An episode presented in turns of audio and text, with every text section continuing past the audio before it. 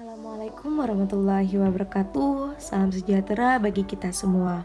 Shalom, Om Swastiatu, Namang Budaya, dan Salam Kebajikan. Selamat pagi, siang, sore, dan malam.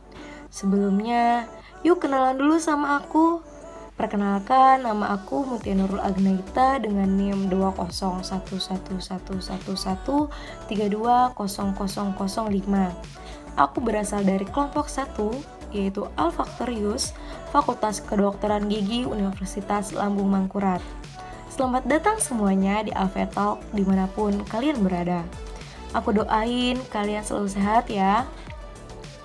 By the way, ini merupakan podcast kedua aku loh.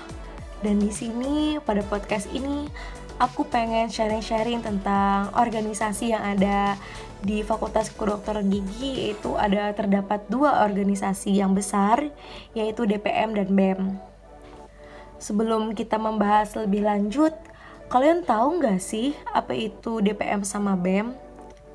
Jadi di sini aku pengen ngejelasin dulu apa sih DPM sama BEM itu.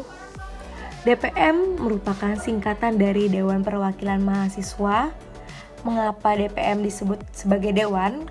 Karena di sini DPM dituntut agar bisa menjadi penasihat untuk seluruh organisasi di bawahnya dan dapat memutuskan suatu hal melalui musyawarah yang mufakat. Sedangkan BEM merupakan singkatan dari Badan Eksekutif Mahasiswa, yaitu organisasi mahasiswa intrakampus yang merupakan lembaga eksekutif yang di dalam melaksanakan program-programnya, BEM memiliki beberapa departemen bisa kita ibaratkan dengan sistem pemerintahan kita yaitu di mana DPM kita ibaratkan sebagai MPR sedangkan BEM kita ibaratkan sebagai presiden. Perlu diketahui bahwa BEM yang terdapat di Fakultas Kedokteran Gigi dinamakan sebagai Kabinet Gelora. Selanjutnya, aku pengen ngasih tahu apa saja fungsi DPM sama BEM itu. Kita bahas yang pertama fungsi DPM.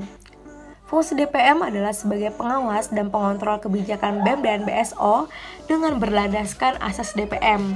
Sedangkan BEM berfungsi sebagai merencanakan dan melaksanakan kegiatan yang berkaitan dengan fakultas serta memberikan pendapat, usul, dan saran kepada pimpinan fakultas. Tidak hanya itu, BEM juga berfungsi sebagai perwakilan mahasiswa di tingkat fakultas untuk menampung dan menyalurkan aspirasi mahasiswa. Selanjutnya, di sini aku pengen memberitahukan komisi atau departemen yang ada di DPM dan BEM. Yang pertama, aku pengen ngasih tahu tentang komisi-komisi yang ada di DPM, yaitu yang pertama adalah komisi legislasi dan pengawasan di mana komisi ini bertugas untuk mengontrol kebijakan, kinerja, dan program kerja Terus yang kedua ada Komisi Penelitian dan Pengembangan yang bertugas untuk melaksanakan penelitian dan pengembangan di bidang akademik. Yang ketiga ada Komisi Aspirasi Mahasiswa yang di mana bertugas untuk menampung aspirasi mahasiswa.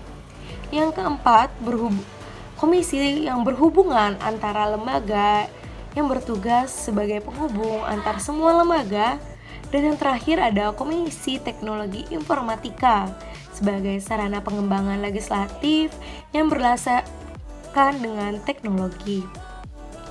Tidak jauh berbeda dengan DPM, BEM tentunya juga memiliki komisi atau departemen untuk menjelaskannya atau menjalankannya. Yang pertama adalah Departemen Internal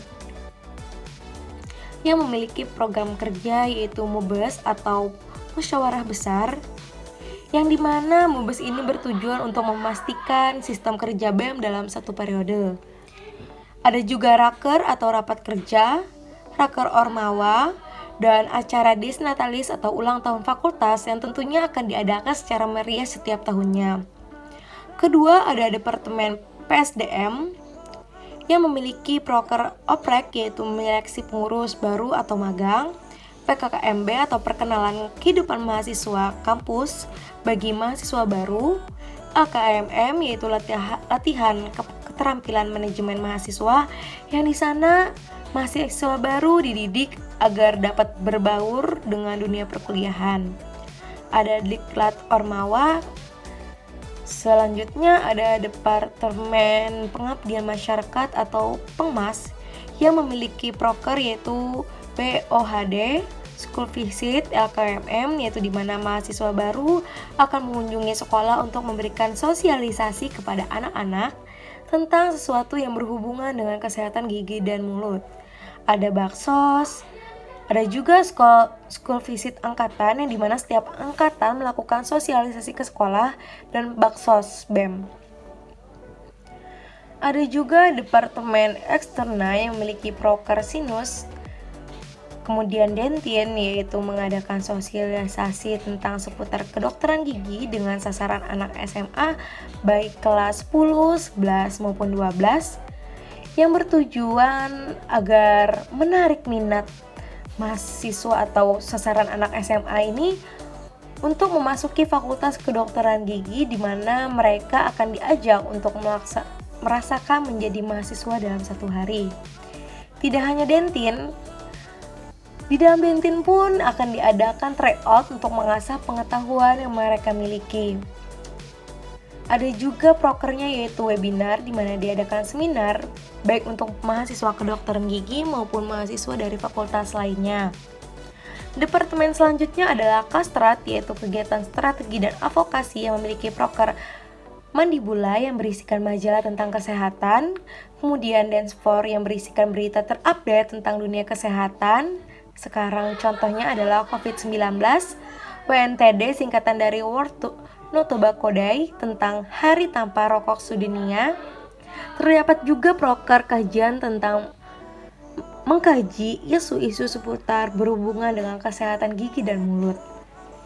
Selanjutnya dalam BEM ada Departemen Infocom yang memiliki program kerja untuk mengelola website BEM Fakultas Kedokteran Gigi Universitas Lambung Mangkurat Sister atau Sistem Informasi Terpadu yang berisikan pembelajaran di dalam Fakultas Kedokteran Gigi, Mading Fakultas Kedokteran Gigi, dan pengelolaan sosial media baik itu Instagram atau sosial media lainnya.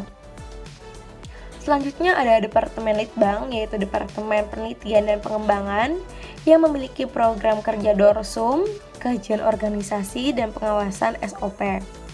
Terakhir, ada Departemen Danwos yang memiliki program untuk membantu mengumpulkan dana sehingga semua acara yang diadakan BEM dapat berjalan dengan baik.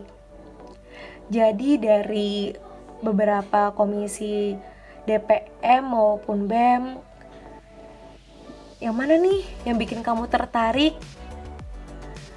Yuk kita coba join, kita mulai untuk mencoba untuk berorganisasi sehingga kita dapat mendapatkan soft skill dari organisasi tersebut. Uh, sekian podcast aku kali ini.